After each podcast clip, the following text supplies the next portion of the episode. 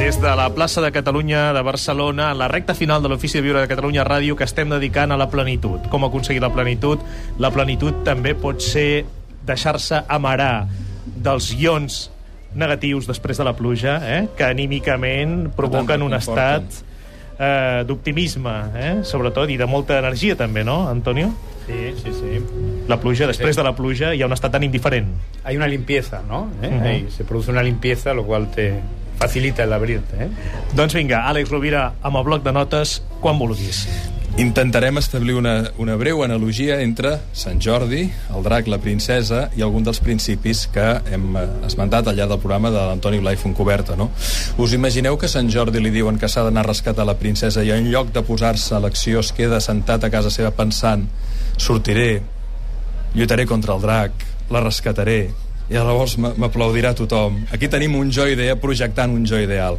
Què fa Sant Jordi? Activa el joc experiència. Sant Jordi simbolitza el joc experiència.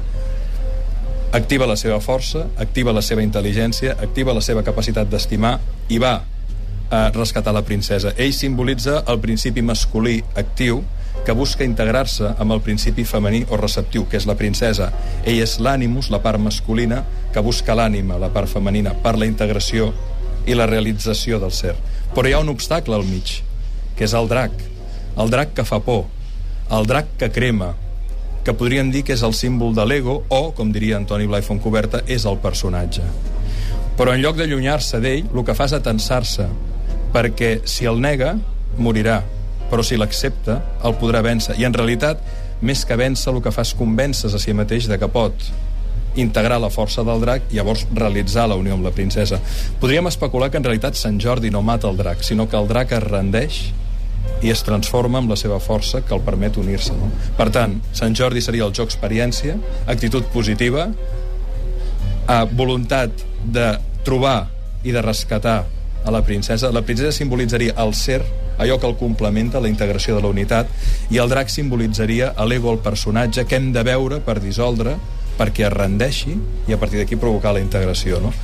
Per- Podem dir alguna cosa més d'aquest personatge que ha sortit moltes vegades en aquest programa? Antonio Jorge Larruí, que, co- què seria el nostre personatge? Bueno, nuestro personaje se origina por la, por la identificación, digamos, del ser, de esa esencia que, que hablaba ahora Alex, con una, con una idea, con una forma, con una imagen de uno mismo, ¿no? Y ese I es el origen. ser? Una No, titella. Es, la idea titella. que nos hemos hecho Vale. de, de la idea que de muy pequeños nos hicimos de quiénes éramos en función de la imagen que vino de fuera.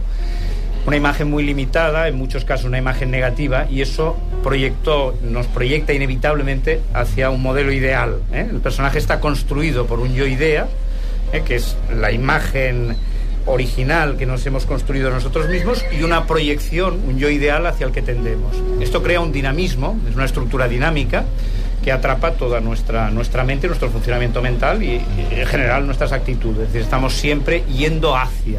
¿eh? Es el- nos hemos acostumbrado y parece que lo propio del ser humano es así. Se considera que lo propio del humano es que siempre tiene que proyectarse hacia algo, tiene que siempre ir hacia algún lugar. Y esto no es propio de la naturaleza, ni la humana, ni la naturaleza en general es fruto de esta estructura mental. Esta estructura mental que, como decíamos antes, eh, lo fundamental es que seamos conscientes. Es decir, de que, como bien decía Jaume, ¿no? con las emociones son síntomas, señales que indican yo idea. Cuando las emociones son negativas nos acercamos a, a esa idea limitada de mí de la que quiero huir. Cuando hay emociones euforizantes, positivas, me está señalando mi proximidad hacia el yo ideal.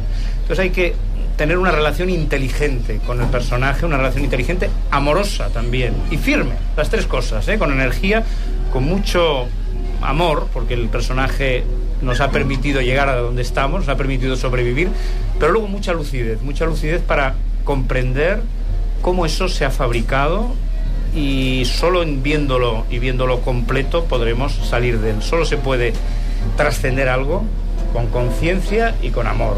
Y es la manera en que hemos de relacionarnos con el personaje. El personatge no és més que el conjunt de mecanismes de defenses adaptatius que vam desenvolupar a la infantesa per sobreviure. Per tant, hem de donar-li moltes gràcies al personatge i a l'ego per existir, perquè ens han permès, com ha dit molt bé l'Antonio Jorge, sobreviure fins ara. La qüestió és que eh, no deixa de ser una titelleta, una concepció limitada i encursetada del potencial de l'ésser que som. I si ens definim des del personatge, estem en funció dels fils que el belluguen, quan en realitat no hauríem d'estar només en funció dels fils, sinó de saber que hi ha un jo molt més potent i poderós que és en realitat el que està al darrere, el que podríem dir que és el que belluga la titella, que podríem dir que és el ser, no? Va? Mm, Sí, jo estava pensant en el tema de que en realitat, si un està en aquest punt, no hi ha res a on anar ni res que fer. Aquest seria el tema, no? Ni res que dir. Si realment estem en el nostre punt ideal i no estem contínuament jugant amb l'ego. Ara, clar, hi haurà oients que segur que es pregunten doncs quin avorriment, no? Sí, perquè estem acostumats a tot el contrari que seria fer, anar, eh, aconseguir, bé, tota l'activitat, però el fet és estar, i a l'estar en plenitud realment és, és, no hi ha res que fer. I si caigués el món en aquest moment, hauríem d'estar igual, sense que ens mogués ni una parpella. Sí. Ahora, perdón, ¿eh? pero de aburrimiento No, nada. nada. ¿eh? De aburrimiento nada. Lo que pasa es que eh, surgiría un hacer no desde, desde un conseguir, sino desde un expresar, que es muy Mm, distinto. que es el juego, es, es lo lúdico.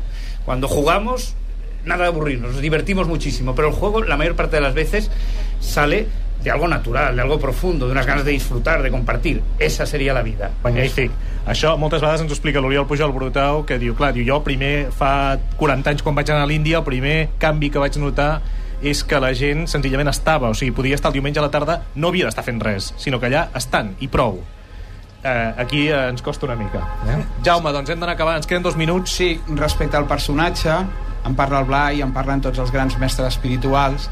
Jesús de Nazaret, que va estar aquí fa uns 2.000 anys, una de les primeres coses que va dir, que mm, s'ha malinterpretat moltes vegades, és mm, el meu pare no és de la terra, el meu pare és del cel, amb la qual cosa estava dient que no carregava amb aquesta herència cultural, trenca amb aquesta línia de Dani Eva de victimisme, de continuar amb el que he carregat, i quan parlem de la virginitat de la Verge Maria precisament parlem d'aquesta no màcula en quant a judicis, en quant a perspectives de diferenciar coses bones de coses dolentes. No? Per això Jesús té aquesta capacitat de no jutjar i de respectar i a partir d'aquí aquesta plenitud fonamental que ha esdevingut fins als nostres dies. Gràcies, Jaume, per haver vingut aquí a la Gràcies plaça de Catalunya a. Barcelona. Gràcies, Eva Juan. Gràcies, bona nit. Antonio Jorge Larroy, moltíssimes gràcies. Fins ben aviat. Ricard Rullant, també moltes gràcies. Moltíssimes gràcies. Després, igual que l'Àlex Rovira, després d'un dia de signatures. Eh? Moltes I de gràcies. tant d'afecte i abraçades. Eh, perquè, Àlex, a tu abraces a totes les persones amb qui et vas creuant. No amb totes les que voldria, però déu nhi Però, o sigui, vull dir que avui ha repartit moltíssimes Sí, abraçades. sí, per sí. sort, Mira, no la, sabries, no la sabria comptar, de veritat. i els nostres oients potser no han repartit tantes abraçades, malauradament, però sí que ens, eh, segur que han repartit molts somriures. Sí, Eh? avui ha sigut, és veritat.